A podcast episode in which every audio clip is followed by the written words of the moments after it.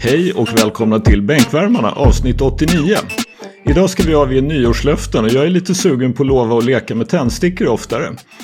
Normalt brukar ju främst Stefan och emellanåt Nick vara rätt bra på att sätta fyr på skogsbranden men på nyårsafton skickade jag till gruppchatten. Brad Stevens, Bostons general manager, är inte han överskattad och borde sitta illa till. Addis kastade mer bensin på brasan, Johansson och Nick försökte släcka men Stefan lät en het vind blåsa över hela tillställningen. Jag skrev också att just nu är det Daryl Morey som säger nej till traden Ben Simmons mot Dame Lillard va? Att Nick omgående försökte släcka den branden kan inte förvåna någon, men jag var aningen överraskad av att Johansson också slängdes in med brandslangen i högsta hugg. Jag ägnade mig också lite grann åt eh, att lägga ut på Twitter hur många matcher folk skulle se på Christmas Day på juldagen. Eh, Luleås assisterande tränare Keso Nilsson svarade noll eftersom på juldagen ska man förstås titta 12 timmar på Sagan om ringen. Strax därpå så sa han att han inte litade på någon bortanför boxscores i bänkvärmarna utom Nick Rajacic. Och jag säger så här Keso, om du väljer 12 timmar Sagan om ringen framför NBA så litar inte jag på dig från någon fråga överhuvudtaget. Så ja, mitt nyårslöfte, jag ska fundera över det. Antingen ska jag fortsätta leka med tändstickor eller så ska jag lova att sluta hacka på Dame Lillard. Vi får se vad det blir när vi kommer dit. I övrigt ska vi hinna med vilka lag som har panik. Lite ett litet gästspel faktiskt då av, av Keso Nilssons chef, nämligen Luleås coach Robin Sandberg ska göra ett inhopp i podden. Hur är det med dig Addis? Eh, det är bra tack, det är bra tack. Det gör mig glad att höra dig eh, leka med tändstickor som du själv kallar det. Jag eh, ska inte spoila mina nyårslöften men ett av dem kanske handlar om att jag ska sluta att alltid säga emot. För att eh, Men, ibland... Nej, jag eh, droppade ja. det där med Brad Stevens, då sa du ju inte emot. Nej, nej, nej, förvisso. Då, men tvärtom. Jag, jag har en tendens att eh, behöva liksom gå tvärt emot eh, konsensus och sen då bara tycka saker jag egentligen inte ens vet om jag tycker. Jag är osäker på vad jag tycker helt enkelt längre om allt. men det är bra Nick. med mig. Utmärkt. Nick, hur är det med dig? Jo då, det är jättebra. Spela in podd, jättekul. Shoutouts till David Keso Nilsson. David Sider Nilsson. Han har flera smeknamn. Uh, en profil inom svensk basket. Han vet vem, ska, vem han ska lita på. Uh, och sen tycker jag även att det är roligt att vi kommer ha det här segmentet med Brad Stevens. För Adis och Stefan kaxade i gruppen och bara skrev “Vänta tills på måndag! Vi ska förstöra dig!” jag, jag, jag säger så här, de två grabbarna brukar komma med vattenpistoler. Jag hoppas att de har laddat M4, AK47, vad som helst. Det är dags att skjuta och backa upp sina egna ord. Jag upplevde det som att Addis hade med sig minst en, jag vet inte ens vad det heter, men liksom... Ja, typ Firestarter. Jag vet inte vad han hade med sig för vapen. Jag vet inte vad man kallar det för ens en gång. Jag gjorde vapenfri tjänst så jag, jag är dålig på sånt där. Stefan, du är på Gotland. Hur är det med dig? Jag är på Gotland och eh, det är faktiskt fruktansvärt fint här. Man är ju bara här under somrarna känns det som. Men eh, det, Gotland har något. Det, det är en charmig plats. Härligt. Johansson, hur är det med dig? Det är bara bra. Första jobbdagen tillbaka efter julen. Eh, kul att spela in podden som man missade förra veckan och ändå fick lite kärlek av Stefan med DeJounte Murray. Och, det var fint Stefan, tack. Ste Stefan, Stefan kan vara så fin när han, när han är på det humöret. Eh, ska vi börja med nyårslöften? Addis, hur, hur är det? Har du, ska du sluta vara så konträr eller har du ett annat nyårslöfte som du är intresserad av? Ja men eh, dels är det det här med att jag ska försöka sluta vara så konträr hela tiden och gå emot vad eh, massan tycker och tänker. Eh, men eh, framförallt när det kommer till den här podden så är det ju ett segment som jag sällan levererar, nästan aldrig levererar faktiskt. Och det är vårt hot takes segment. Jag är usel på det och jag, jag försöker inte ens komma på hot takes längre. Om jag gör det så hinner jag glömma bort dem. De, jag kommer på dem på onsdagen och sen, sen minns jag inte dem. Och det är ju det är ju inte till någon nytta. Så mitt nyårslöfte till er i alla fall och även till lyssnarna för att jag tänker att eh, svala hot takes är inte heller kul. Så att en hot take till eh, varje vecka. Nej, nej, varannan. Vi ska vara, man ska också vara, rea- man ska vara realistisk. Eh, jag såg eh, på eh, TV4, det var någon som pratade om nyårslöften. Realism är bra också. Så att varannan vecka och den ska vara het. På riktigt. Du har ju faktiskt haft några riktigt heta. Du, du tog ner både Pat Riley och Jerry West om jag inte helt missminner mig. Ja, det har jag säkert gjort, men det är allt för sällan. Det är, ju Det är liksom, gamla meriter i och för sig. men Ja, ändå. exakt. Du exakt, kan. Exakt. Ja, jag kan. Så att, eh, det, det är mitt nyårslöfte till er då. Att varannan vecka ska jag ha en hot take, leverera den och ja, that's it. Mm. Mm. Stefan, vad har du för nyårslöfte? Alltså, jag har tänkt och tänkt och tänkt. Men jag kommer faktiskt inte på något nyårslöfte. Så jag tänkte att ni kanske kunde hjälpa mig med det och eh, ge mig, ja vad blir det? Fyra förslag på ett nyårslöfte, alltså ett var. Så eh, ska jag se om jag gillar något av dem. Får jag börja då? Ja, absolut. Om vi kör en Addis då och vi är lite optimistiska. Att du är med varannan vecka.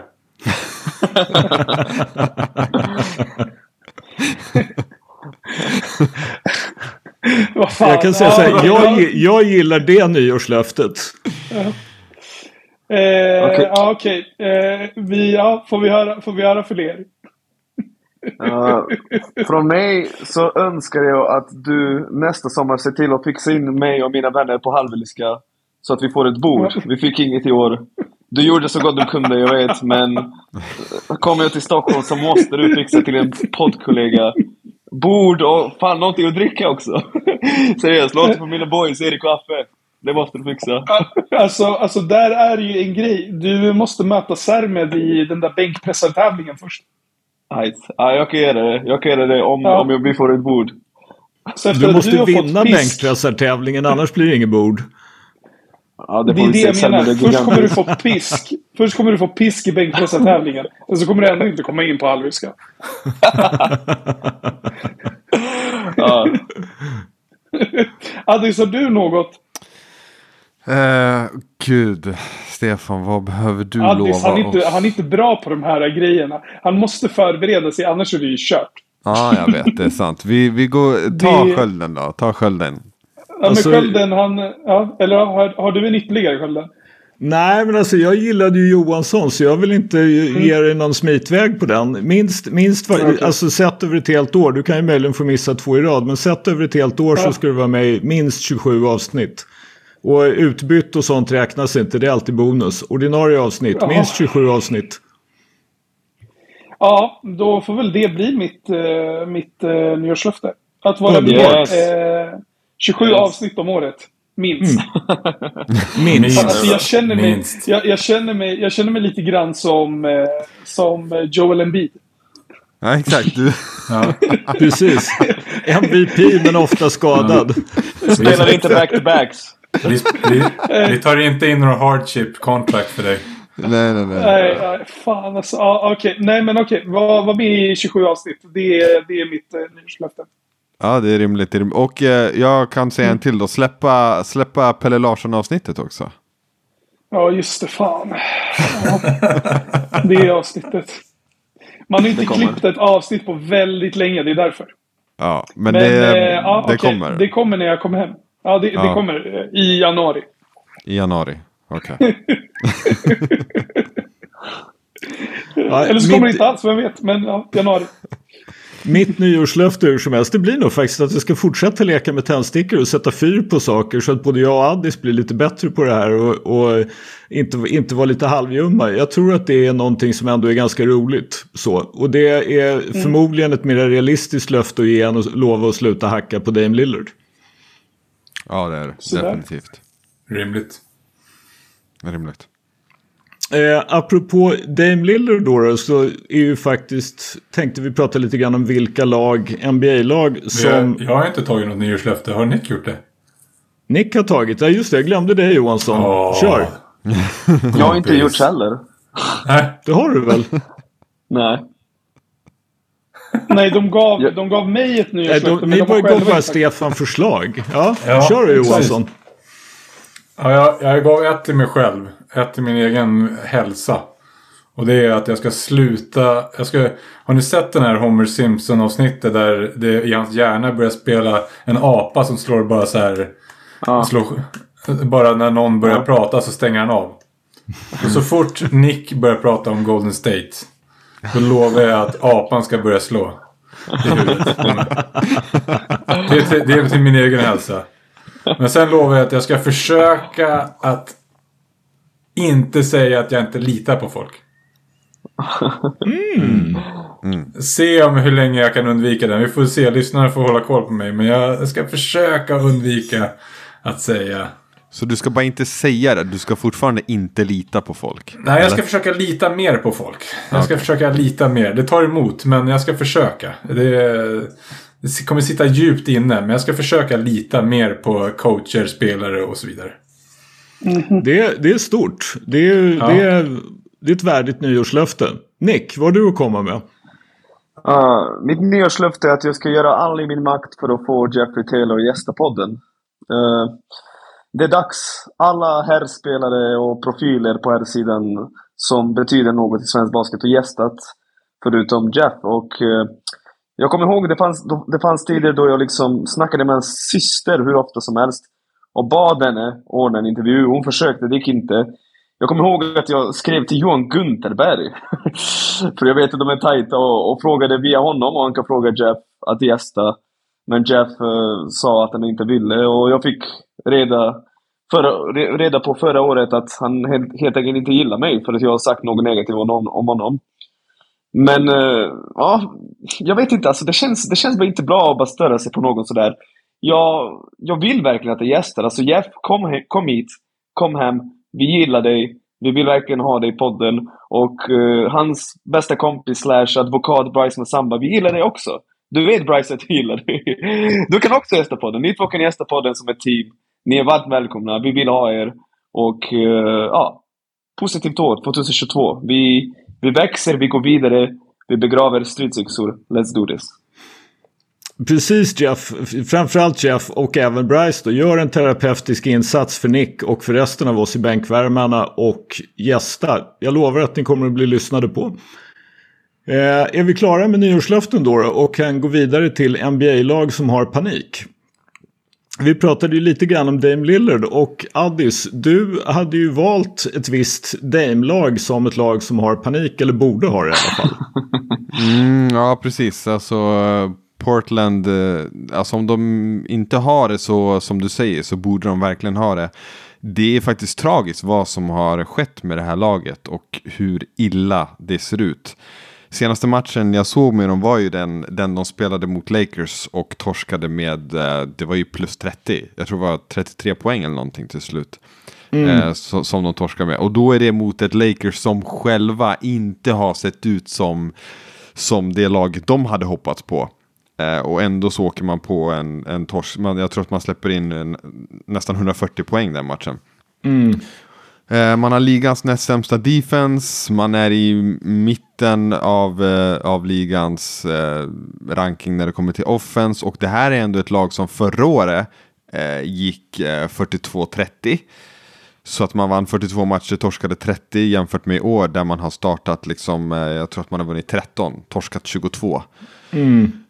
Så någonting har ju uppenbarligen hänt och det är ju tragiskt att se Dame spela för det här laget nu som de prenumererade ju på, ja men inte bara slutspel utan att vinna ungefär 49-50 matcher per år och har haft några runs i playoffs också.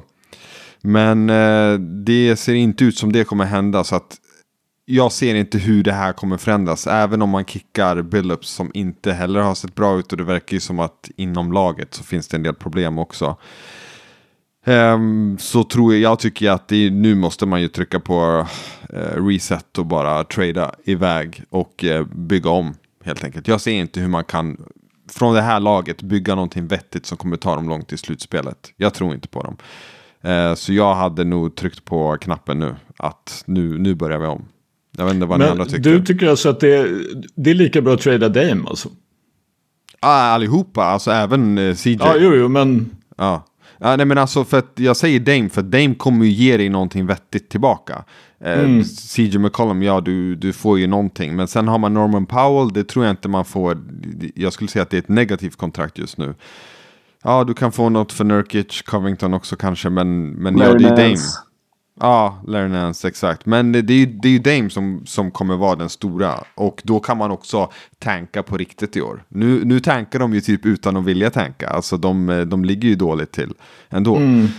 Eh, så jag, jag ser att ska man vara med, eh, ska man få ett högt draftpick eller förhoppningsvis ett högt draftpick i år, bara trada Dame och börja om. Jag vet inte vad ni andra tycker. Är det värt att sitta på Dame nu? Var, var ska de liksom? Skicka. Ja, Nej, jag, jag är med dig ja. Alltså, så sent som inför förra slutspelet så var ju framförallt Nick, men faktiskt sensationellt nog även jag, så trodde jag, tyckte jag ju att Portland hade ett bättre lag än vad Denver Nuggets hade, givet alla skador som Denver hade. Denver vann ju ganska bekvämt med 4-2. Och sen dess har de då skaffat Larry Nance som inte har varit bra. Nurkic och Covington är på eh, expiring contracts och det är de två som på något sätt ska stå för det här med försvaret. Och de fixar ju inte det längre. Alltså det, det är ju faktiskt så att förut har deras anfall täckt upp för deras dåliga försvar. Alltså i hela Portland så framförallt Dame och McCollum då. Men i år fixar de inte det längre. Det beror ju både på anfallet och att försvaret är sämre än någonsin. Nej.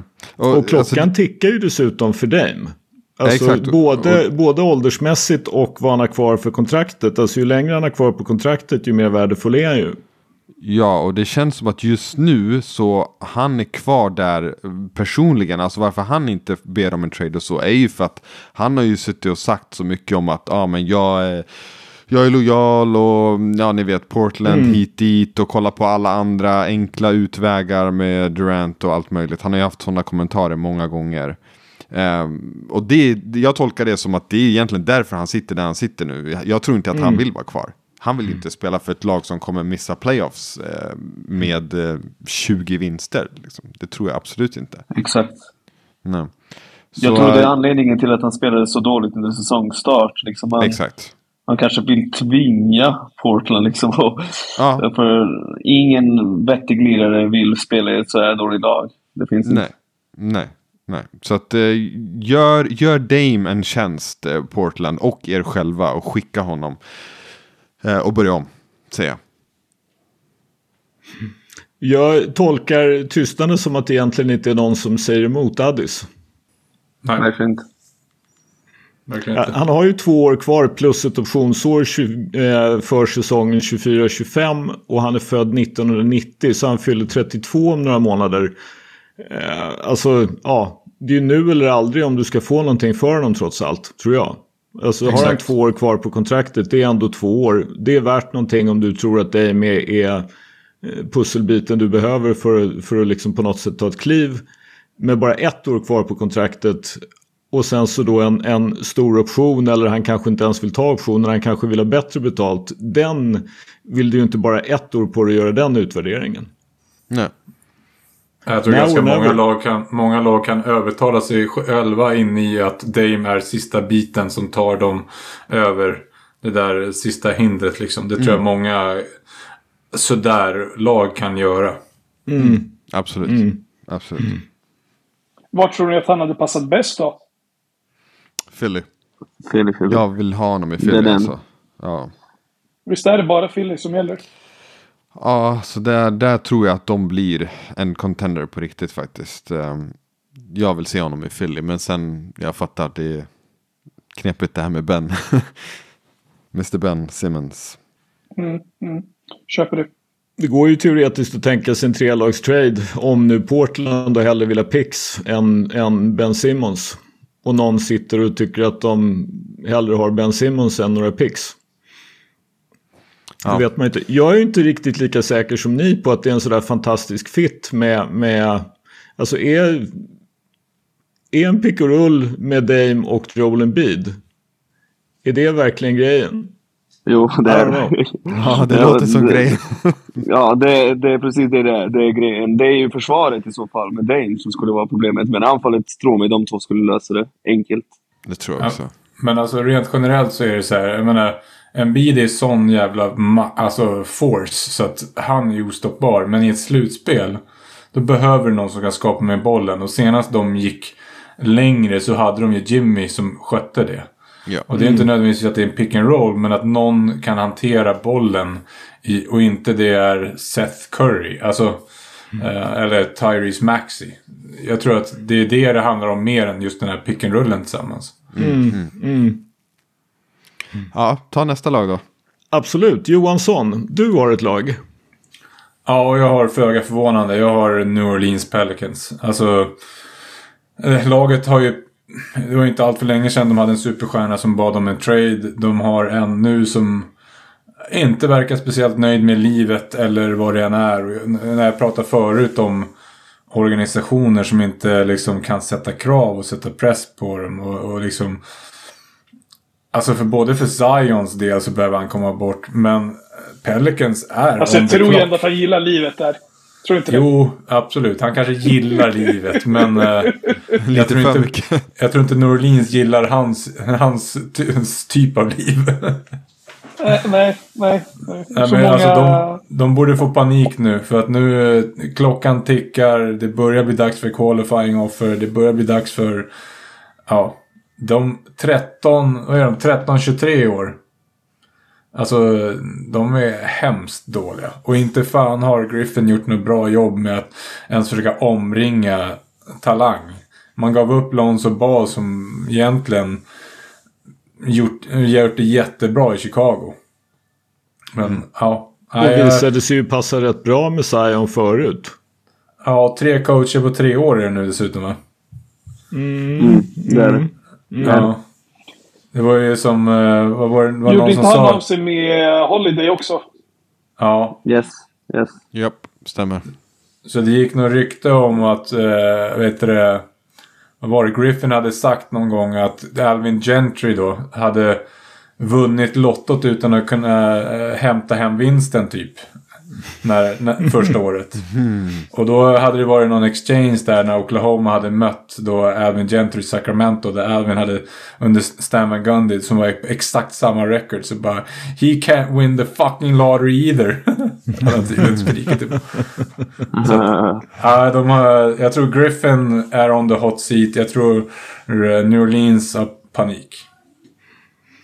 Alltså, det senaste jag såg var ju alltså 16 december. Då kom ju nyheterna att, eh, han, att Zion har fått någon injektion av något slag då, som ska hjälpa att eh, få foten att läka. Och då skulle han ju i princip vara shut down 4 to 6 weeks.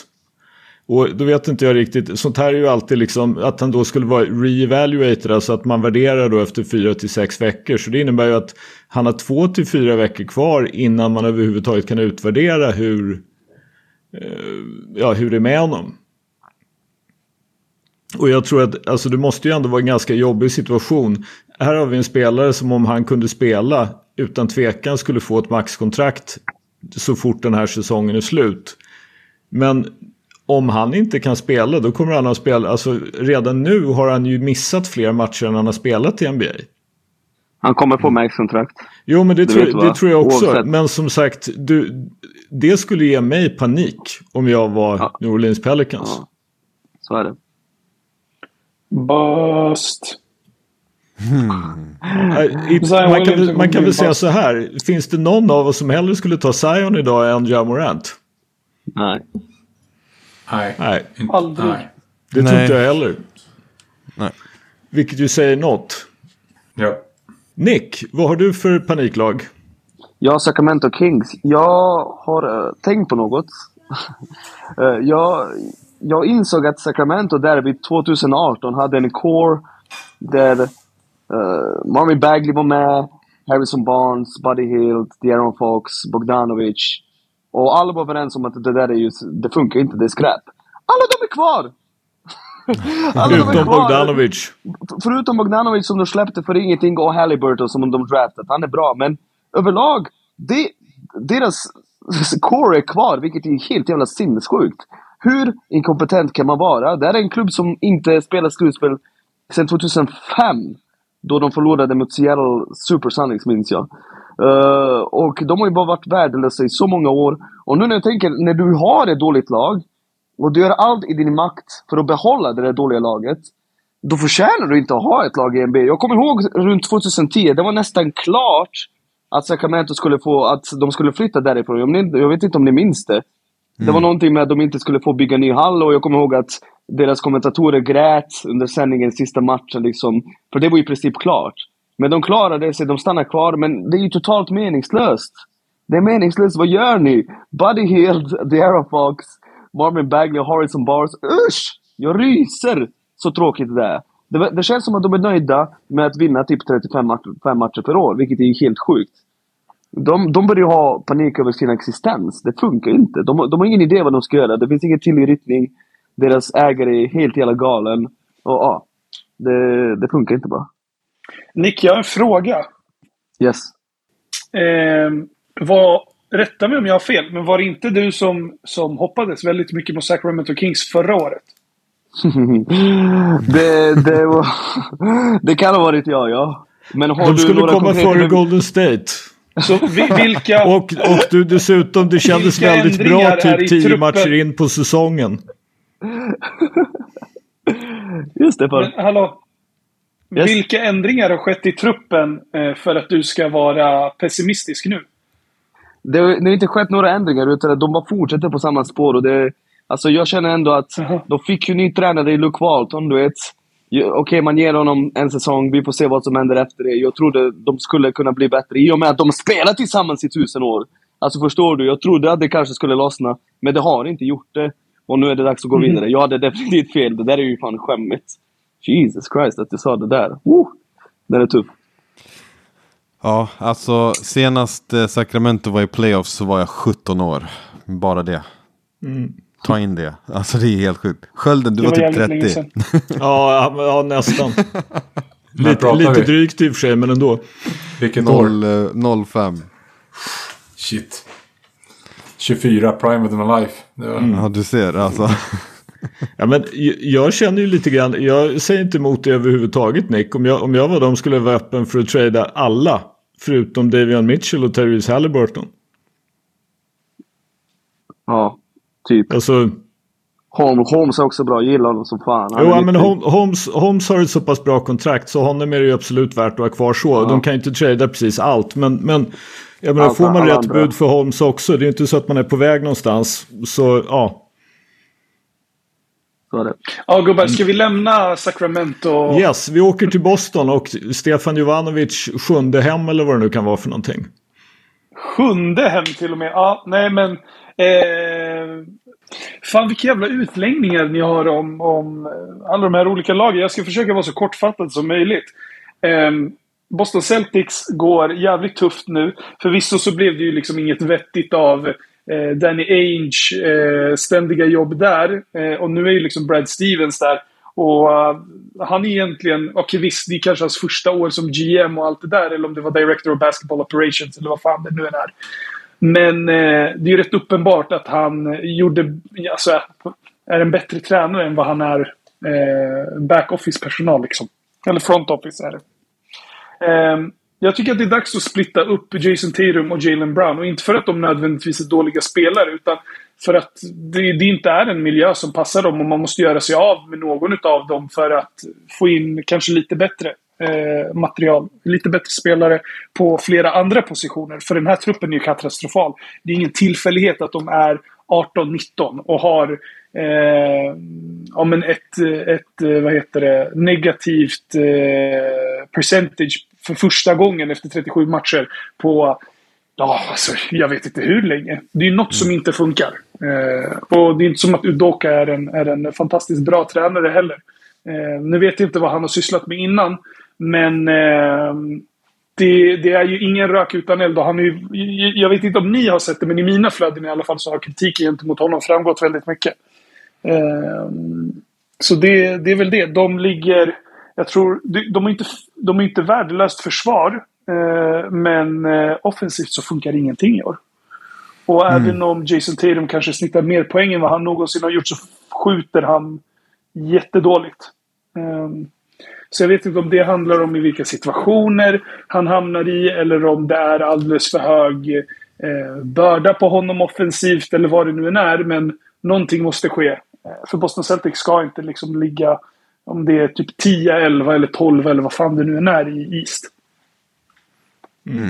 Alltså, Mm. och det, jag tänkte på det att här om, jag tror det var igår, eh, så vad krävdes det för att de skulle ta en vinst mot Orlando Magic? Ja, det krävdes 50 poäng av Jalen Brown och övertid. Exakt. För att Och det är vinna. alltid så när de ska vinna. Det krävs monsterinsatser av både Jalen Brown och Jason Tatum. Mm, För inget annat funkar. Nej. Eh, Jag håller med att man borde splitta de två. Jag, jag vet inte, det känns bara som det är någonting off. Men I don't know. Alltså, jag, då, det är ju så att med både Tatum och Brown på planen så är ju Boston helt okej plus. Men problemet är ju det här att alltså, de, alltså, de får ju ingenting att passa med laget. På något sätt så är ju båda två egentligen li- samma spelare. De är bra men ingen av dem är bra på att få bollen att gå. Så liksom båda studsar livet ur bollen och båda kan skapa sitt eget skott. Men eh, det är ju faktiskt som Marcus Smart sa. De behöver lära sig att passa bollen. Alltså att vara Boston får ju inget flyt i spelet. Det är två superbra spelare individu- individuellt sett men med det de har runt omkring sig kan de ju inte få det att funka och det de har runt omkring sig är ju inte speciellt, alltså man blir inte direkt imponerad. Alltså, fine. Brown gjorde 50 i natt. Det köper jag. Häromdagen så hörde jag en stat att han sköt 32 skott utan en assist. Men Tatum är ju likadan också. Det var ju, hat, det jag var ju hatar för sig, skottval. Så att jag, det var ju nej. för sig faktiskt i den här matchen som Boston sköt fyra för 43 tror jag från tre. och där han då hade åtta liksom passningar till folk som är vidöppna från tre, typ corner three, så inte en enda går i. Så det var inte bara hans fel att han inte fick några assist. Men det, det är ju som sagt skjuta 32 skott och noll assist, det är ingen vacker rad. Nej, absolut inte. Ja, vi får se vad Boston gör. Jag har, efter att, efter att ni har tagit alla roliga lag, så det är ju faktiskt ett lag ändå som är intressant att diskutera som man kan fundera hur de funderar och det är Atlanta Hawks. De var ju alltså i konferensfinal i fjol och snodde två matcher mot blivande mästarna Milwaukee Bucks. Just nu så ligger de inte roligare till än att de är 12 i East och har 16-19 i, i record. Alltså de går inte ens till play-in som det ser ut just nu. Och då har de i praktiken exakt samma lag som de hade i fjol. Eh, Trey Young, John Collins, Capella, Bogdan och så vidare. Och ja, de har också varit drabbade av skador hit och dit. Och kanske var lite grann optimistiskt att tro att de skulle gå till konferensfinal i år igen. Men det var ju faktiskt så att det var många experter som hade dem typ ja men topp 4, topp 5 East. Lite så här sexy pick och komma trea bakom Bucks och Nets. Och så ser det ju bara inte ut. Och de har ju inte någon, liksom någon situation som gör att nästa år ser ut som att eh, ja, de, de, de kan göra så jäkla mycket. Nästa år så kickar ju Trey Youngs kontrakt in. Då går de upp till 150 mil i lön. Då har de i och för sig Danilo Gallinari och Bogdan Bogdanovic jag för mig på. I alla fall Gallinari på expiring contract och Gallinari på något liksom sista året innan han har en player option eller något. Men de behöver nog göra någonting. Jag, jag kallar dem eh, Portland of East. Lite samma sak. Man råkar få en, ett turår när man kommer lite längre än vad man kanske skulle ha gjort. Och så tror man att man är där uppe. och det är, Det är ingen dålig jämförelse. Faktiskt. Det är, ingen, ingen det är uppenbart att de inte är där uppe utan de behöver få tillbaka den där lilla edgen att spela med den för att liksom vara en 6 till 8 sid istället för att tro att de är topp 2. Ja, för de har alltså, nu har de ju gett, alltså de har gett, eh, John Collins fick en bra extension om än inte riktigt ett max. Han fick ungefär 100 miljoner på fyra år. Eh, Trey Young har fått ett max och eh, Kevin Herter fick i häraden 15-16 miljoner om året på ett fyraårskontrakt. Så de tre har de ju, plus att de då har Capella på runt 21 de kommande tre säsongerna. Det är fyra spelare de har. De kan förstås trada liksom mm, någon av de här. Men, men eh, 16-19 ska de inte ligga. Nåväl, ska vi eh, försöka ta oss vidare då, då och se. Vi har ju som plan att vi ska gästas av Robin Sandberg, Luleås coach. Vi ringer upp honom. Vi ringer upp honom. Så välkommen Robin Sandberg, coach för Luleå som vann SM-guld i våras och leder SBL Dam stort och du är dessutom en av fyra förbundscoacher för damlandslaget. Hur är det med dig? Tack! Eh, det, det är ju jättebra med mig. Eh, jag har haft en bra jul. Eh, andas lite. Kul att vara här. Kul att vara här också. Vi är mycket glada att, att du är med oss. Om vi börjar med det här med förbunds, förbundscoachteamet. Hur, eh, hur har det varit? Eh, jag, jag har väldigt bra eh, erfarenheter. Eller liksom den, den veckan och de förberedelserna vi, vi hade. Jag, jag tyckte vi hade lite kort om tid. För att kanske testa det liksom ska man kalla det då? Eh, hela vägen eller liksom gå fullt ut med att ha alla liksom lika involverade och vad ska man kalla det på något sätt? Eh, alltså att alla förstår vad vi gör. Jag tyckte vi var tvungna att hitta någon balans med att eh, ja, ha lite bestämt på förväg eh, med kort tid. Liksom. Så att jag, jag ser fram emot fortsättningen på det också. Att eh, komma ännu längre liksom. Um, och, och var en, en, en, stor anledning till att jag liksom ville tacka ja. Uh, alltså dels att man får mer ansvar men också att få jobba uh, tillsammans. Man, man, har ofta gjort mycket själv och, och haft egna tankar och liksom men, men um, bra erfarenheter och, och, och se fram emot fortsättningen. Mm. Hur, eh, mm. hur funkar eh, rollerna mellan er? Och nu, nu var det du som stod längst fram så att säga i senaste omgången. Och du har ju Kevin med dig och de andra. Och då har du ju... Alltså hur, hur har, ni, har ni bestämt hur ni ska ha rollerna mellan er? Ja, alltså det, vi, vi, var ju först tre stycken. Vilket gjorde att vi redan hade liksom kommit en bit på det arbetet. Eh, och bestämt ganska tydligt innan David Wisher kom in. Så, så jag, Kevin och Ira hade ju eh, liksom så här ska vi göra och, och sen fick vi liksom jag ska inte säga lappa in eh, David Wisher där men, men lite så blev det.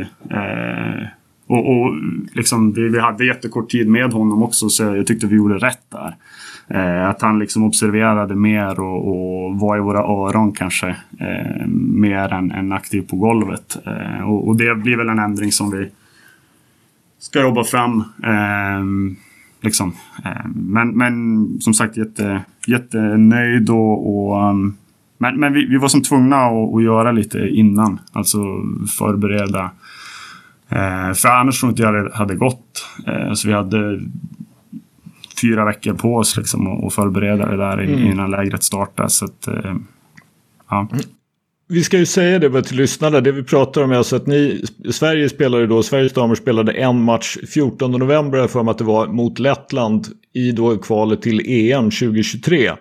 Och förlorade med 89-70 och ni saknade ju väldigt, väldigt många liksom, spelare som har varit med de senaste åren när det kanske har gått rätt bra för svenska damlandslaget. Eh, nu var ju då inga systrar Eldebrink, ingen Kalis Lloyd, ingen Amanda Sawi och så vidare. Och ni pusslade ihop ett lag som ju var på väg att göra en helt fantastisk in eller ni gjorde ju en bra insats men ni höll på att få med ett helt fantastiskt resultat mot Lettland. Ja, eh, det det, det lite surt samtidigt liksom. För jag tyckte vi verkligen, som du säger, var på väg på något riktigt bra. Ehm, men, men orkade inte riktigt hålla liksom i 40 minuter. Sen är det ju Alltså vi, vi, är ju beroende av andra resultat, eller eventuellt beroende av andra resultat. Och, och de gick väl kanske inte vår väg, där jag tyckte några favoriter liksom inte lyckades ta vinster, vilket gör att den, skulle vi liksom hamna på en andra plats så kommer det att bli svårare eh, att, att, ta sig vidare. Så att eh, ja, vi är väl nöjda, men, men, samtidigt känns det lite surt att liksom inte ha bättre förutsättningar eller liksom vara i en bättre position eh, med, med, med den veckan vi hade. Mm, mm. Robin, du har hamnat i en situation nu där väldigt många spelare som har varit med väldigt länge inte har varit med. Eh, åtminstone din första landslagssamling.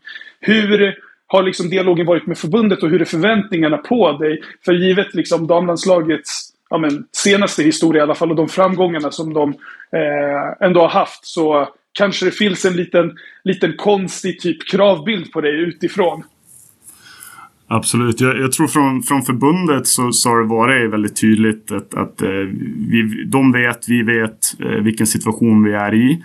Sen, sen, tror jag det är, alltså går man tillbaka så, så tror jag att många har, har gått liksom, den här vägen och kunnat ta ett nytt steg i sin karriär. Eh, vilket är ju någonting man få, få tänka på. Eh, för att säga att man skulle vilja ut till Europa som jag i alla fall vet att jag och Kevin pratar om. Eh, liksom så är det ju en sits där förväntningarna eller liksom ett dåligt resultat att eventuellt inte åka med till EM eller, eller göra ett dåligt resultat med det här laget eh, kan ju ses som något negativt. Absolut. Och, och, jag tror att det är något som både jag och han har tänkt på. Eh, och, kanske Ira och, och, David också liksom. Men eh, jag, jag, tror att det samtidigt fanns en bra möjlighet att göra någonting bra på, på lång sikt. Eh, vilket liksom stod kanske lite emot varandra. Men eh, inte bara nackdelar, absolut inte. Utan fördelar med att kunna göra något bra på, på på lång sikt med, med det här laget.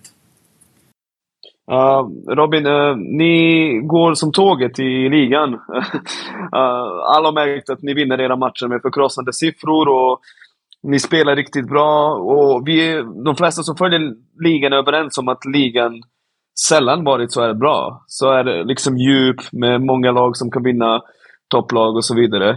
Hur kommer det sig? Varför har det gått så bra i år? Um, ja, jag, jag, tror man, om, om man går tillbaka till förra året. Um, så är det nog, alltså, vi, vi spelar väldigt likt. Uh, vi gör egentligen samma saker. Uh, klart man, man alltid ändrar och, och, nya bitar och så, men jag skulle säga att den största skillnaden uh, är att vi, vi är färre spelare. Och, och, det här är något man aldrig har pratat om, eh, eller väldigt få liksom har, har, har sagt. Eh, att vi var liksom 12 spelare tyckte jag förra året som, som egentligen kunde starta i andra lag.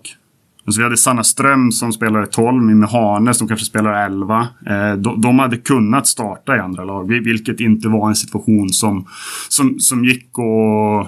Alltså, det var inte det bästa för oss eh, förra säsongen. Alltså alla spelare egentligen fick mycket mindre boll, speltid, feedback, utveckling än vad man kanske förväntar sig, än vad man eh, förtjänar. Eh, liksom oberoende om man gör en bra vecka eller dålig vecka så, så kommer liksom alla vara besvikna. Jag vet Maggie Lucas kom hit och spelade liksom 22 minuter första åtta matcherna. Alltså, det, det är ju sjukt liksom, i, i sig. Och, och, och, där tror jag är den största anledningen till att vi är där vi är i, i år och, och, alla är liksom mycket mer motiverade. Eh, alla är gladare. Alla är liksom Eh, Eh, en bra vecka genererar mer speltid, mer förtroende och så vidare. Det, det är mer rättvist för spelarna, de utvecklas mer. Men, men sen är det klart att vi... vi alltså för, det, förra året var egentligen första året jag spelade motion. Eh, vi, vi, det var första året vi liksom gick all in på det och det är klart man lär sig första året hur flow ska, ska liksom skapas, hur, hur man får rörelse på boll, hur man får rörelse på spelare innan man hittar liksom för, för jag tror att det är en mer långsiktig plan än, än att sätta setspel. Um, sen, sen um, ty tycker jag om man går på den offensiva liksom, delen av, av planhalvan så, så spelar vi ett sätt som är ganska beroende på momentum. Um, vilket gör att um, Ibland funkar det, ibland funkar det inte. Och, och går vi tillbaka till finalmatch två, som jag fått kritik över, där vi inte kallade setspel, så hade vi inte flow. Vilket gör att vi, vi borde ha gjort det. Vilket ja, gör men... att vi liksom... Men, men går vi sen till finalmatch fem, då, då har vi flow. Och vi har momentum. Och vi spelar lika mycket motion match fem som match två. Men, men... Um, så att, ja. Men du, Robin, du, du har varit hårt kritiserad i den här podden. Och innan jag fortsätter så vill jag säga att jag fick en fråga idag, eller en kommentar på Twitter idag, att jag har låst mig, jag, jag hatar det. Jag vill bara påpeka till uh, folk som lyssnar att jag och Robin går way back. Jag har bevakat Robin sen, sen han var 23. Vi har, vi har förfestat ihop, för fan. Gått ut på XY och allting. Så det där är verkligen inget personligt. Jag tycker personligen att du coachade dåligt förra säsongen. Och jag ska förklara varför. Jag följde inte så mycket under grundserien. Jag såg ju eran semifinal mot Umeå där ni vann 3-1. Redan där tyckte jag att ni inte var på samma sida, att det inte såg harmoniskt ut. Du nämnde det där med motivation. Det känns mm. som att både du och laget spelar med mer motivation i år. I finalen, mm. match 1, ni spelade sämst zonförsvar jag sett i mitt liv. Alltså, helt ärligt. Jag kommer ihåg att uh, Paula Julin fick bollen vid armbågen. Det var tre spelare runt henne. Elin Ljunggren satte 9-3, Anna Sten satte 4. Alltså det var ju... Match 1 och 2 var katastrof. Och sen, från och med match 2, jag har en känsla av att ni bara tog tag i det på någon träning och bara sa okej, okay, vi kommer spela så här. Vi, vi gör det enkelt och i anfallet så pushar vi bollen och försöker vi spela liksom med mycket motion, som du säger. Och så löste ni det till slut och det är jävligt stort, men jag tyckte inte att du gjorde ett bra jobb. Jag tycker att du coachar mycket bättre i år, med mycket mer energi och motivation. Tyck, alltså, det, det känns så i alla fall utifrån. Och det känns som att spelarna vet exakt vad de ska göra. Stor skillnad jämfört med förra året. Förklara för världen varför jag har rätt. Oj. Det är det. um, jag, jag, ska säga så här. Alltså vi, vi motivation och energi var, var nog hela laget, tror jag. Eh, och, och, ja, vi var för många. Det påverkade jättemycket och mycket mer än, än vad man tror. Alltså jag, jag har aldrig haft sådär många och, och egentligen Fredrik Ulamo sa när vi vann mot Artego någon match när vi var sju pers att man måste vara det. Men, men jag ville testa eh, själv, vilket jag har fått ångra. Eh, och, och, det påverkar mycket motivation och energi. Sen, sen, var det Corona. Vi hade inte så mycket folk som jobbade faktiskt i, inom klubben, vilket gör att man fick göra mycket annat. Eh, sen det jag lärde mig mest i, i den situationen är när man liksom har mycket på, på sin tallrik, man, man eh, gör väldigt mycket, så, så är det lätt att man går till att liksom gå in i sig själv och ska göra allting. Så då gjorde jag mer scouting själv istället för att be Keso. Eh, man frågar inte om hjälp, man liksom bara vill, vill köra själv för det är det enkla liksom. Eh, vilket jag också en ändring vi har gjort. Alltså, nu, nu är det Kese som är ansvarig för video och scouting. Vi har tagit in Malin liksom, som, som gör mer mental eh, bit för laget. Eh, vilket är en jättestor anledning till att jag har mer energi. Eh, första matchen håller jag inte med om. För där, tyck, där var jag ganska nöjd med hur vi agerade. Zonförsvaret, ja det tog vi bort. Så där ger jag väl det ett halvt rätt ändå. Eh, men, men, första matchen var jag ganska nöjd med. Alltså på bortaplan och, och de drog i så pass mycket. Eh, den, den, kommer vi vinna tror jag 8 av 10 gånger. Eh, vilket jag tar alla dagar i veckan. Match två är jag inte nöjd med. Där, där vi blir passiva. Och, och, det är också en sak att det är lätt att bli passiv när saker inte går som man vill. Eh, alltså man gör inte något. Man, man, man ändrar inte. Vi, vi justerar inte. Vi, vi, hur, hur liksom när, när, motion inte har funkat. Ja, men Maggie Lucas måste få ett skott. Hur får vi det? Vi hade inget svar på det. Vi hade inget liksom, eller vi gjorde ingenting så att det hände.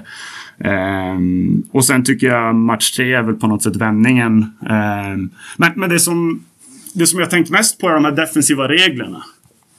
Som, som vi inte verkar ha. Uh, och, och um, där, där, tror jag med, med aggressivt försvar så är det fler regler.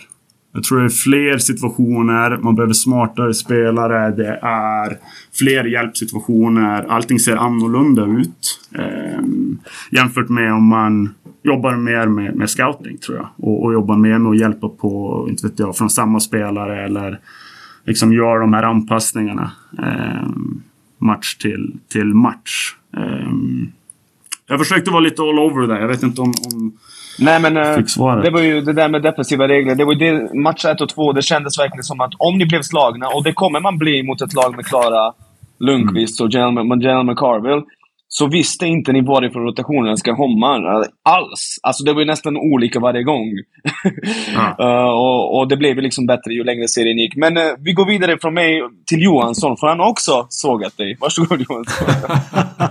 alltså... Ja. Nu. Ja, men om, vi, om vi säger så här då. För det blev otroligt uppblåst det jag sa i podden. Och det, det jag sa ganska kort. Så var det ju några takes som några tog därifrån. Ett var att jag sa juniorbasket. Det andra var att jag sa att ni inte fick pressa. Och det är någonting som även Nick försöker driva på. Att jag säger att lag aldrig får pressa. Min poäng var bara så här. Min kritik var i att om, du, om det var precis som du säger, ni var inte trygga i er motion. Så var det så att jag höll med dig. Jag höll med om att liksom, ert motion såg inte bra ut. Jag tyckte inte det skapade tillräckligt mycket. Och jag såg inte poängen med att pressa Borås eh, till liksom x antal, nu vet jag inte, vad säger 30 plus turnovers. Istället för att få träna motion då mot ett lag mer konsekvent under matcherna. Att istället för att då kanske vinna med 40 eller 50, men acceptera att man vinner med 30. Men att träna på de grejerna som kommer göra er bättre i ett slutspel än vad det handlar om att vinna matcher nu. Det var egentligen grunden i min kritik och sen tog en massa, eh, ja, Lindvall tog ut en rubrik och det var jättekul. Mm. Men det var min kritik. Ja, ehm, så jag tror på något sätt så, så är vi på väg någonstans också. Eh, och, vi, och, vi, är på väg att liksom visa, tycker jag, att, att vi ska ta nästa steg. Eh, hade vi vunnit med, med 12, 18 och 17 och då vet jag inte om det hade varit lika mycket på tapeten som det är idag. Eh, jag tror det nästan förväntas nu att, att Luleå Basket behöver ta nästa steg. Vilket i min värld är, är Europa eller Eurocup eller liksom någonting sånt. Så jag, jag tycker faktiskt det är viktigt för oss att, att eh, inte ja, vinna med så mycket som möjligt. Eh, tolkar tolka det rätt liksom.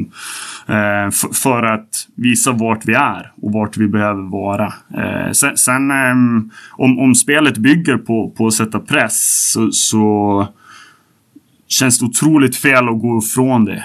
Om, om spelet bygger på att, att skjuta snabba treor för att eh, liksom skapa de övertagen tidigt så, så, tycker jag vi ska göra det. Mm. Um, sen, sen, att läsa då när man kommer in i motion eller när man tar det där tidiga avslutet uh, kände inte jag något liksom behov av mot, mot uh, Borås. Eller mot, liksom om, om vi inte får det, då får vi inte det. Och då, då är det rätt beslut att, att uh, ta för det läsningen jag vill att de, att de gör. Uh, sen, sen det, det, jag vet inte. När, när, Nick säger att det är olika situationer hjälpen kommer från och, och, när man säger att det inte finns regler, alltså det är för att det är olika situationer. Alltså det är, hjälpen kommer från olika varje gång. Och jag förstår att man inte är van med det eftersom det alltid kommer från position 4 och 5 i alla andra lag. På, på både herr och damsidan, tror jag. Jag, jag, jag ser inte så mycket här basket som ni gör. Men eh, det, det, är ju så det ser ut och, och sen byter man antingen eller så eh, liksom droppar man ner. Eh, men, men, här vill vi ju att det ska komma från alla. Alla ska vara involverade, vilket gör att eh, det vanligaste skottet som är catch and shoot är faktiskt det vi, vi tar bort. Liksom. Eh, och, och, det är det vi är ute efter, att få dem att dribbla istället. Och få dem att göra en till action hela, hela, hela tiden.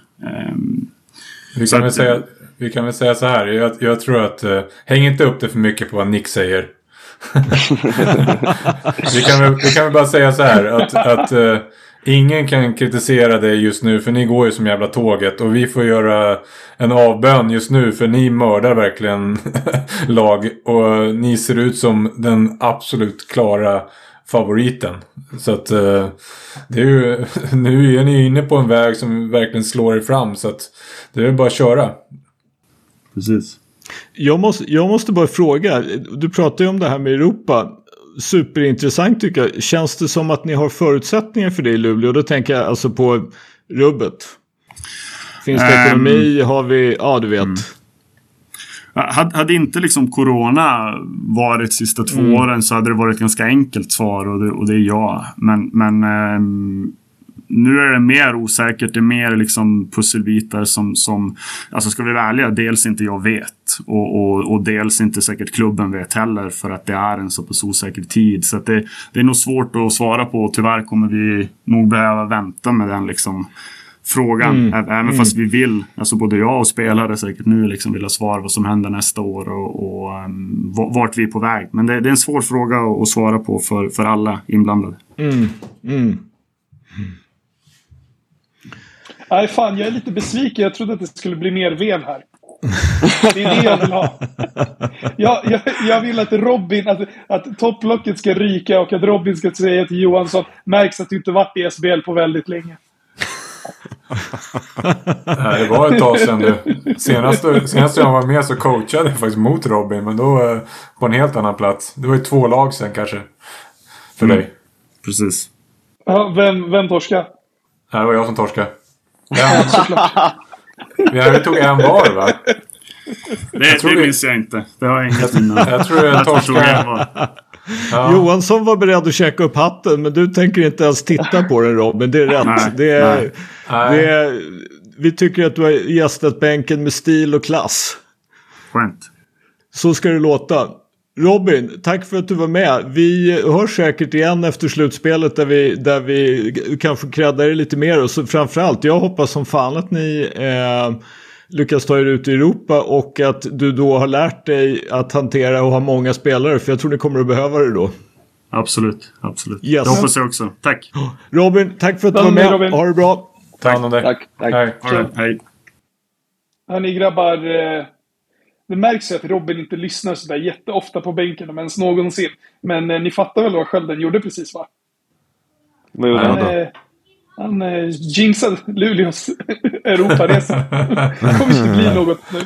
Sorry det var Robin, det var inte meningen att kasta the curse på er. Men det råkade kanske bli så. Ja, det, det är bara att tugga i sig. Det är som det är med det. det nu får vi se vad Luleå gjorde av dem. Eh, det är dags för hot takes. Nick, är du redo? Jag är redo. Jag är alltid redo för hot takes, det vet du. Precis. Utmärkt. Ja. Eldkastaren Yes. på. Precis. Så du, du nämnde ju i början av avsnittet det där, med, det där med Boston Celtics. Vi hade en konversation på Twitter. Jag tittade från sidan, du vet. Jag, jag försökte inte blanda mig direkt. Utan jag tittade. Stefan skrev först. Jag tror att Johansson kom sen. Sen kom Addis. Och till slut tänkte jag, jag, jag tänker inte tolerera det här. För att Addis och Stefan försöker måla upp Brad Stevens som en dålig tränare. Alltså dålig. Inte ens average. Och det stämmer ju bara inte. Han var en bra tränare. Och jag vågar säga att han var riktigt bra till och med. Sen förstår jag att det inte gick bra på slutet. Sen förstår jag att de förra säsongen vann, vad var det, typ knappt över uh, hälften av sina matcher. Trots att de har Tatum och Brown. Men Brad Stevens är en vass baskethjärna. Jonas Jerebko har sagt att han är en skitbra coach. Eller Jerebko behöver inte säga det, man ser ju det. Alltså, uh, hur uh, hans, hans filosofi och liksom hans sätt efter timeouts och så många spel som han har ritat upp genom åren i sista sekunderna där, där hans lag vinner matcher. Och jag har för mig att spelare brukar gilla honom. Han gick till, till Conference Finals 2018 trots att både Gordon Hayward och Kyrie Irving var skadade. Han hade ung Jason Tatum. Han hade Marcus Smart, Jalen Brown, Marcus Morris. Och det var typ det.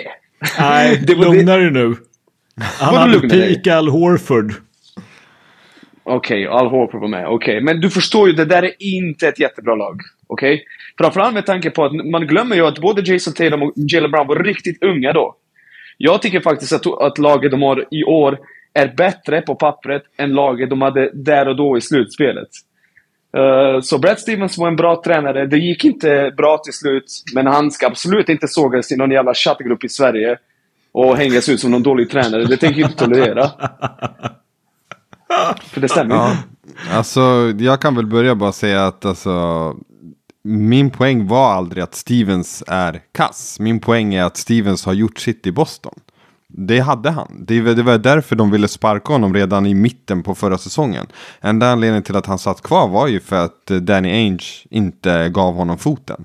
Men organisationen ville ju det. Det, det finns ju artiklar på det som handlar om att nu efteråt, efter att han flyttades, så var det att ja, men de ville ge honom sparken. Men eh, Ainge lät honom sitta kvar.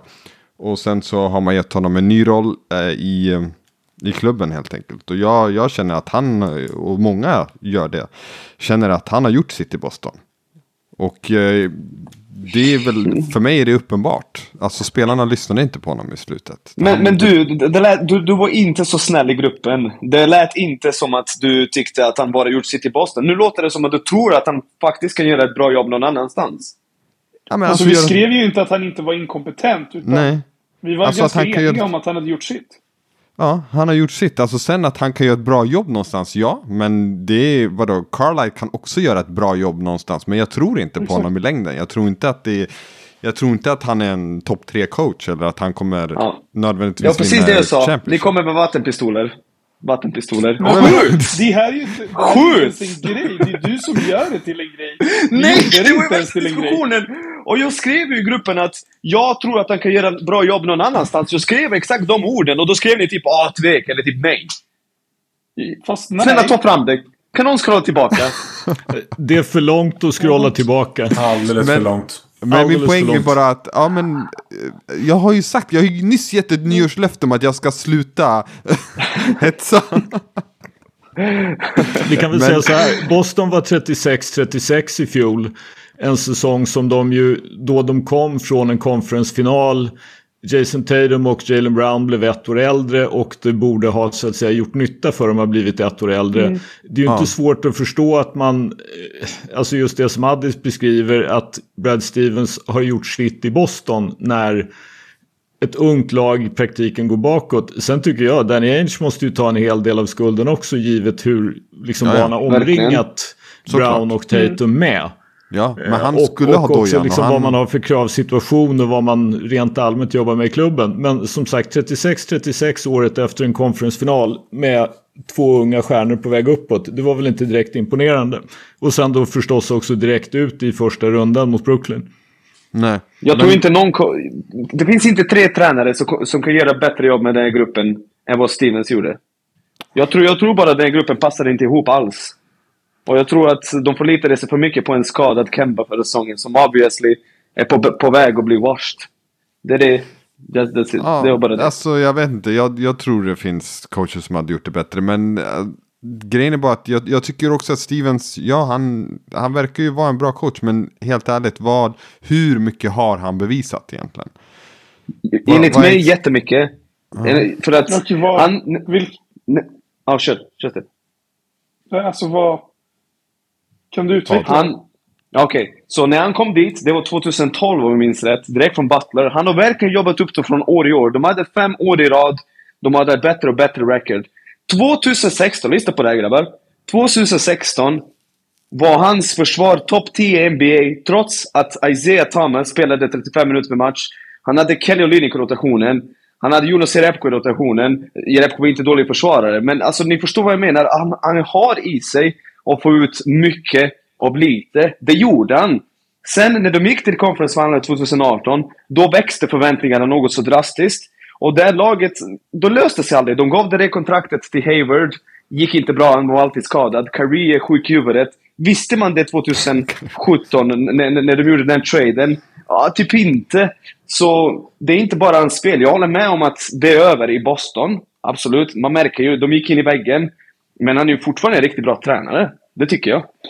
Så ditt enskilt starkaste argument var att hans lag 2016 hade topp 10 försvar? med Isaiah Thomas och Kelly Olynyk och att de gick till Conference Finals med ett ungt lag. Som inte skulle kommit till Conference Finals och tagit LeBron till match 7.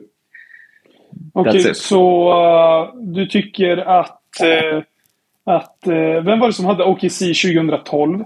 Nu minns jag inte bara för det. Vad heter han? Inte Scott Skiles. Scott Brooks. Scott Ja. Brooks. Just det, Ja, Brooks. han tog ju ett ungt lag hela vägen till final. Han är dålig tränare. Ja, men, men, alltså, men, Scott, men, men, men Scott Brooks hade ju för fan Durant och Harden. jaha, Minns men du de hur fortfarande unga de var då Nick? Du, Alltså, eh, de var Durant typ på såhär 24. 20, 21, 22. Nej, ja, Durant var på kanske 24. Och. Harden 23. Ska vi kolla eh, Durants eh, siffror det året och så jämför vi det med årets Jason Tatum? Men, Gör. under tiden det? du gör det, mina två poänger Ja. är, var så här i den här chatten. Det var ett så var det det att alltså, han hade precis blivit GM. Alltså att han, han, jag förstår att han är on the clock och att det är liksom press på honom utifrån två superstjärnor. Att han har press på sig att skapa bättre spelare runt om där eller göra någonting med dem. Att hans tid som GM kanske han skulle få lite mer chans om. Den andra poängen är att Eh, Jag tror att de där två är överskattade, de där två spelarna. Och jag tror att det finns en anledning varför de inte heller går framåt som inte bara är coachen. Det är en hot take att de är överskattade, för det håller jag inte med om. Däremot håller jag med om Ja. att de inte riktigt har fått det att funka och de verkar vara ganska egoistiska sådär. Men fan, det är riktigt jävla bra spelare båda två. Ja, jag vet inte om jag... Alltså, för det är någonting... Alltså Tatums skottval spyr jag åt. Jag mår fan dåligt när jag ser det. Alltså det är... Och sen, det är någonting med Jalen Brown. Jag vet inte vad det är, men...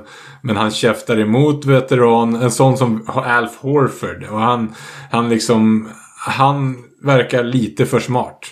På något sätt. Alltså det, det, det, det läcker ju ut saker nu. Konstant känns det som. Mm. Jason Tatum är 23 bast. Han är jätteung. Det är för Ja, tidigt han är jätteung. Ja, och det är kanske en liten brygga för, eh, vad heter det, de var ju lika gamla. Eh, de var lika gamla när eh, OKC gick till final. Som nu ja. Mm. Som eh, Jason Tatum är nu. Och eh, nu snittar Jason Tatum eh, nästan 27 poäng. Eh, nästan 8 returer och eh, runt 4 assist.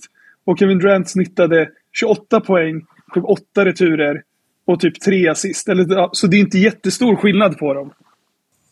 Men, Men det som- du, vi, ja. ja, förlåt, vad tänkte du säga? Nej, förlåt, men det som jag tänker på hela tiden när jag tänker på typ LeBron. Jag tänker på de här som blir riktigt bra. Det är att de blir bättre. De, man ser det på siffror. Man ser det totalt sett. Det är min oro när det gäller Luka hur hans skottprocent går ner och det gör samma sak med Tatum. Alltså, det är varningstecken för mig. Att, att han som en 6'8 trea inte kan komma närmare och skapa bättre skott. eh, tycker jag är helt ofattbart. Alltså att han skjuter vad var det, 41 eller 42 procent i år. Det ska inte han göra. Det är shooting guard, guard siffror. Det är inte en 32, 6'8. 32 procent från tre också. Ja, alltså det, det alltså om man t- tittar på LeBron och de här som verkligen skapar sig skott nära eller ens, alltså någonstans ju högre upp man kommer i positionerna desto högre procent ska man skjuta. En trea som skjuter de, det gjorde inte ens Mello. Mello är fan mer effektiv än det där. Alltså det, och att den sjunker. Alltså att procenten sjunker år för år. Det är fan inte ett bra tecken. Och sen är ju ingen av dem bra playmakers heller. Det är ju kanske där. Det är det som är störst problem. Ja. Ja, för att det, det är ju det som till exempel Durant har utvecklat under senare åren. Liksom. Att, han har, att han har blivit bra på det och jämför med de som, de som inte gör det, som Carmelo till exempel. De blir bara Tatum bra, om ni fattar vad jag menar. Eh, Det är där jag tycker den stora skillnaden är. Hantera bollen, eh, kunna spelfördela. Mm, det kan de ju inte, någon av dem. Och det är ju knas när de två som håller i bollen nästan hela matchen inte kan göra det. Ja, det, det, det jag ville bara säga med, med den här jämförelsen var att Scott Brooks tog ett ungt OKC till final 2012. Ehm, och Nicks enskilt största argument var något om att Brad Stevens tog dem djupt ner i slutspelet när de var unga. Alltså, det säger inte så mycket om tränarens kvalitet. Det tycker jag ändå att man gör. Men vi släpper det. Vi går vidare. Det har tagit 50 Ja. minuter. Vi går till nästa. Ja, men vadå, så, så vi ska inte prata om den där saken du sa om att eh, eh, årets Boston Celtics är lika bra som Boston Celtics 17-18. Det ska vi inte prata om, eller? Bättre! Årets Celtics är bättre än 17... Än, än det Boston Jag- Celtics hade i slutspelet. Ja. Jag måste säga så här, det håller inte jag med Jaha, om mm. överhuvudtaget. Men det är en annan sak. Alltså, men vä- vänta Nick, kan du bestämma dig för vilket Boston Celtics det är du, du Ja, jämför? 17 17-18. Säsongen 17-18 i slutspelet. Ja. När de tappade både Curry och Hayward och gick till Conference Finals Game 7. Det är väldigt djupt. Och då hade de Terry Rozier som var, som var inte så bra Alltså- i den här finalserien. Och... Vad skrattar du åt? Jag skrattar. Hör du vad du säger? Du jämför alltså det här laget med Boston Celtics i slutspelet utan två av deras bästa spelare. Ja, men för det var så Det de spelade. att, det är Det- som att jag ska säga att det här laget är bättre än eh, Boston Celtics eh, eh, innan Ray Allen och eh, Kevin Garnett. Och bara, ja, de är bättre. Ja! Det kan du göra, för då, det fanns ju en tid då de inte spelade i Boston. Det fanns Det en tid då Boston... Sett... Nej, det är det inte. Det är ett jättevettigt argument. Det är löjligt. Ja. Vi har sett dem i tre serier utan de två. Och de vann två av dem. Vi går vidare. Löjligt. Alltså, jag vill fortfarande säga det Nick. Då hade de Al Horford som är 31. I år har de, absolut, i år har de Al Horford som är 36 eller vad det är. Även i slutspelet så kom Marcus Smart från bänken. Nu startar han. Alltså det är, jag är ledsen, jag, jag kan inte se att 17-18 var ett sämre lag ens utan Kyrie och, ens utan Kyrie och Hayward än vad de har nu. Men ja, som sagt, det är dags Men att gå vidare. Det, du, det du säger är att, att, att Horford har blivit äldre och sämre, men du glömmer att Tatum, Brown och Smart har blivit bättre basketspelare. 20-åriga blir bättre på basket på tre år. Alla de tre Alltså, har gått framåt. Det, som, det, det? som, det som jag går med på Ja. i fråga om smart, men jag är lite tveksam till hur mycket bättre. Tatum och Brown spelar i det här i sitt sammanhang, om du förstår vad jag menar. Om du tror Det- att Tatum är lika bra nu som han var i sin rookie-säsong, alltså då... Jag vet inte vad jag ska säga. Han Ja, har men ju alltså- blivit otroligt mycket bättre. Men Nick, du har ju ingen som helst avsikt att lyssna på det här. Basket är ett lagspel där man spelar fem stycken tillsammans. Tatum och Brown i år spelar en mot en, 1-1 hela tiden. De spelar inte tillsammans med någon. Och det är det de får kritik för, både Horford och Marcus Smart. Och det är ett problem. De spelade inte så 17-18. Och då var, tycker jag, faktiskt Celtics ett bättre lag än vad de är nu. Det visar sig ju i resultaten. De tog LeBron till Game 7 i slutspelet. I år är de 16-19. Grabbar. Grabbar. Vi går vidare. Tänk, tänk Homer Simpson. Den där slaget. Hörru Homer Simpson, du får köra. Ja, absolut. Jag tar min uh, hot take. Eh, jag, den, jag fick faktiskt den här i samband med den här diskussionen. Det var jätteintressant. Vet ni vad det mest överskattade är i hela NBA? På platsen ovanför draftpicks. Coaching.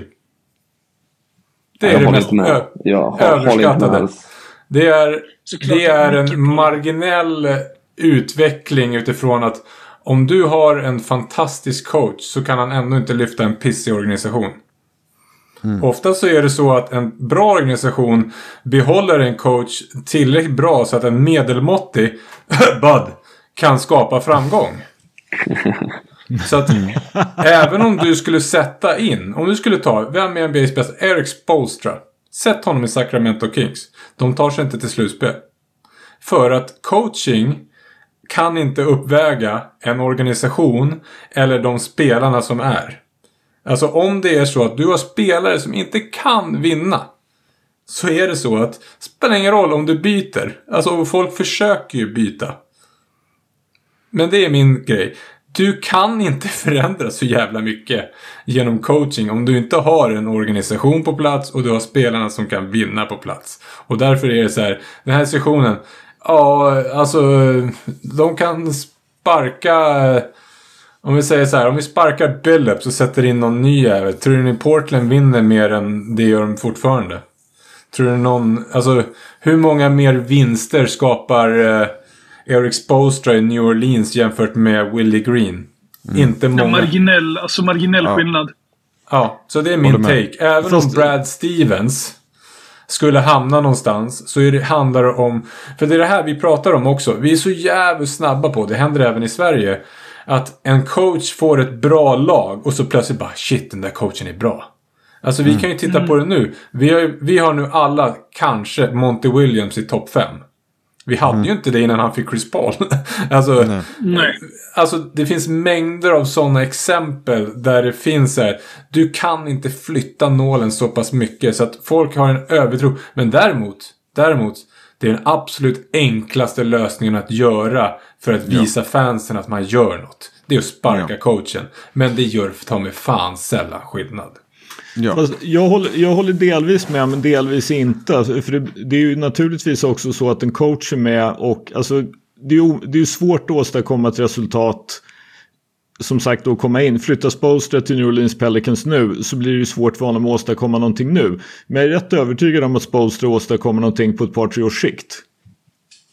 Jo, Jag är men- Han, jag är han, bidrar, han bidrar Men- till att bygga organisationen. Han bidrar till att ha assisterande coacher som lyfter laget. Han bidrar till att deras talangutveckling blir bättre etc. etc, etc. Men jag håller med om att det inte är eh, en quick fix att få in någon som kan rita lite bättre X's and O's i NBA. Det, det är jag nog i princip med på. Min replik är så här då. Och det kanske är så att New Orleans faktiskt skulle göra någonting utöver det vanliga. Om de fick in en erkänd coach som Spolstra. Alltså någon som verkligen har det där ryktet från början. Så att de inte tar tre coacher på tre år. Men är det så att en, en eh, coach av Spolstras kapacitet och inte rykte skulle komma in. Skulle de göra exakt samma sak. De skulle titta på ett år och skulle de säga så här. Vi vann bara 35. Fuck it, vi måste göra någonting nytt igen. Mm. Johansson, du, du har rätt i att med ett dåligt lag och dålig organisation kan ingen vinna. Och det är 100% rätt. Hade Greg Popovich startat sin coachkarriär för tre år sedan alla, hade alla tyckt att han är kass nu. Men, det du inte tänker på här. Jag kommer ihåg när Luke Walton tog över efter Steve Kerr 2016-17 och Golden State vann typ 30 raka. Och det var folk som skrev på nätet om coaching behövs inte längre. Och, och det är överskattat och bla bla bla. Och sen kom slutspelet och samma människor sa oh shit vad vi hade fel. Tänk vad Steve Kerr gjorde för Golden State när han kom 2013 eller 14, 2014. Tänk vad Phil Jackson gjorde för Michael, Jack Michael Jordan när han kom till Chicago Bulls. Jag tycker nästan Kobe tvärtom. Och Shaq. Och för, jag tycker nästan tvärtom. Jag tycker att det... Ska du vinna, då måste du ha en jävligt vass tränare. Bud klarade sig. Han är inte vass, det vet vi. Men han klarade sig. Men överlag så tycker jag det är oerhört viktigt med att ha en bra tränare. Alltså en, viktig, en riktigt bra tränare kan låsa upp så mycket för ett bra lag. Inte för ett dåligt lag. För ett dåligt lag är ett dåligt lag. I NBA klarar du det inte med dåligt lag. Men för bra lag är det essentiellt att ha en bra tränare. Nick, får jag så, fråga?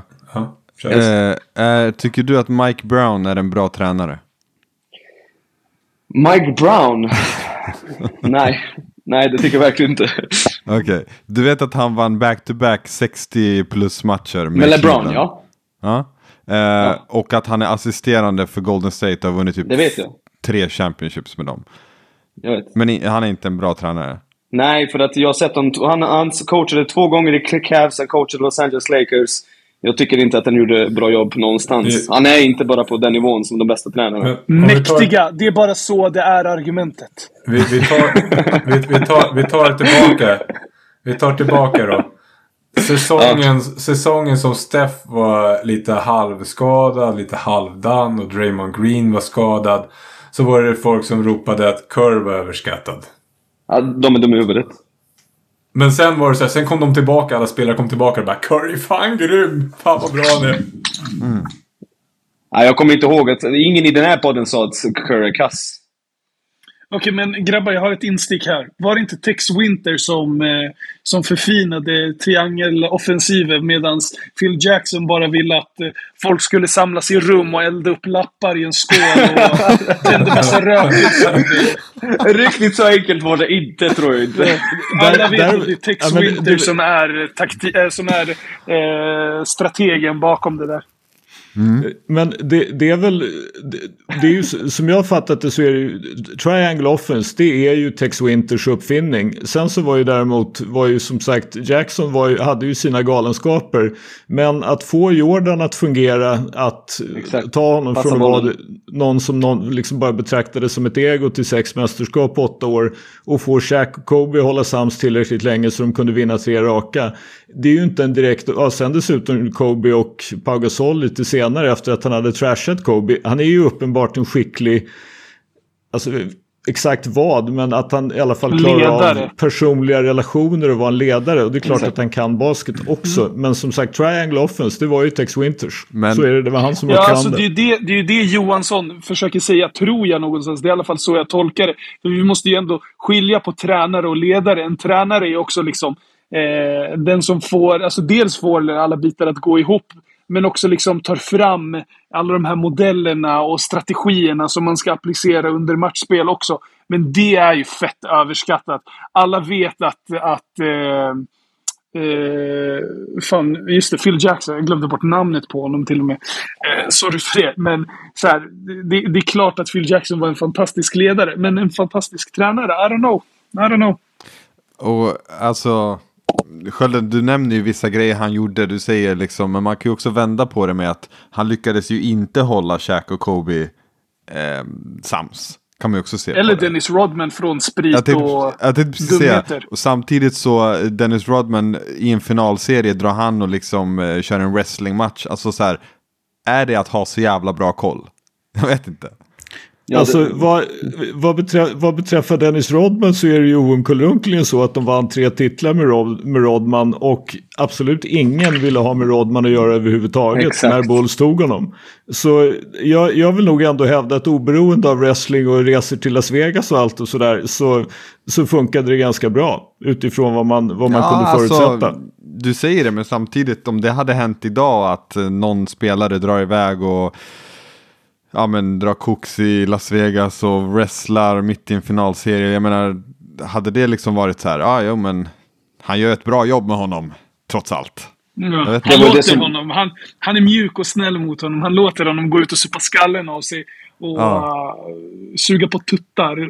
Men alltså, allvarligt Ja, nej, Alltså- nej, se- sex, Alltså- sex titlar, ni kan inte prata bort det. Det finns ju bara inte. Alltså, Nej, alltså, vi- vi diskuterar vi kan ju väl säga så här, Phil Jackson har utan 11 ledarskap titlar, han har inte Elva. 6 utan han har 11. Elva. Ja. Ja, men fortfarande, vi snackar ju inte om tränaren Phil Jackson. Vi snackar ju uppenbarligen om ledaren Phil Jackson. Men han är, Men- han är skitbra tränare också. Både tränare och ledare. Han gjorde allt. Han vann ju 11 Hur- titlar. Vet du hur svårt många- det är? Hur många coacher har haft fyra av de tio bästa? När vi ersatte Shaq med Smush Parker, då var de fan knappt slutspel. Men, men det, vi, det vi säger är ju att du måste ha ett bra lag. Det, det, jag, både jag och Sköldström har börjat med att säga att du måste ha ett riktigt bra lag för att vinna. Nu, nu är det ni som har låst er. Det är brutal låsning. Ja, men Jag- alltså, jag- jag han hade bra liksom- inbound plays i slutet Nej, men av jag, matchen. jag förstår att man kan ha en bra lite- coach. Jag kan förstå att man har en bra coach och att en bra, en av de här riktigt bra, de här riktigt höga och då säger jag Pop och Curry, de tycker jag faktiskt tillhör dem. De kan ta en över kanten. Men att tro att man kan liksom få 10-15 segrar till med en coach. Det är det jag menar. Jag menar att effekten av en coach är överskattad. Jag menar inte att en coach är värdelös. Jag menar inte att en coach inte kan göra skillnaden mellan ett, ett semifinallag och ett Championship-lag. För den lilla tweaken och den mentala delen kan absolut en coach ge. Men en coach kan inte göra en skillnad mellan ett knappt slutspel till NBA-mästare. Där är bara organisation och spelare. Ja, men den, Bänkvärmarna. den, Det, det man spottar på Phil Jacksons legacy. Enda podden i världen. Alltså, du måste ju lära dig att både läsa och höra saker och ting. Och tolka saker och ting. För det här är ju bisarrt. Spottar på Phil Jacksons legacy. Ja, jag stämplar ut. Homer Simpson. Ja, hörni, ska vi säga så eller? Vi är uppe i många minuter nu. Ja, nu är vi uppe i ja, många minuter. Jag återkommer med mera tändstickor i nästa avsnitt. Jag, jag sparar mig. Jag fick ännu fler tändstickor nu. Nu ska jag bara hitta plånet också. Eh, tack för idag. Avsnitt 89. Ha det bra. Ciao. Ciao. Du har precis lyssnat på det 89 avsnittet av Bänkvärmarna. Sveriges största basketpodd. Och eh, fan, jag vet inte vad vi ska säga. Vilken annan podd kan, eh, kan såga en tränare och sen få den tränaren att dyka upp några avsnitt senare? Fan alltså. Grabbar, jag tycker att vi kollektivt ska tacka både Johansson för eh, hans take Pe- Peter Lindvall för, eh, för eh, hans, ja jag vet inte vad jag ska kalla det, men vinklande av Johanssons take. Också Creative 21 writing. Creative writing. Och också mig för att jag 21 oktober eh, besteg berg och korsade hav för att hitta hans telefonnummer och faktiskt fråga honom om han ville vara med den 3 januari. Men det absolut största tacket ska vi givetvis rikta till Robin själv som höll sitt ord även fast han lovade mig den 21 oktober 2021. Ta hand om er därute och glöm inte att bänken aldrig ljuger. Puss på er!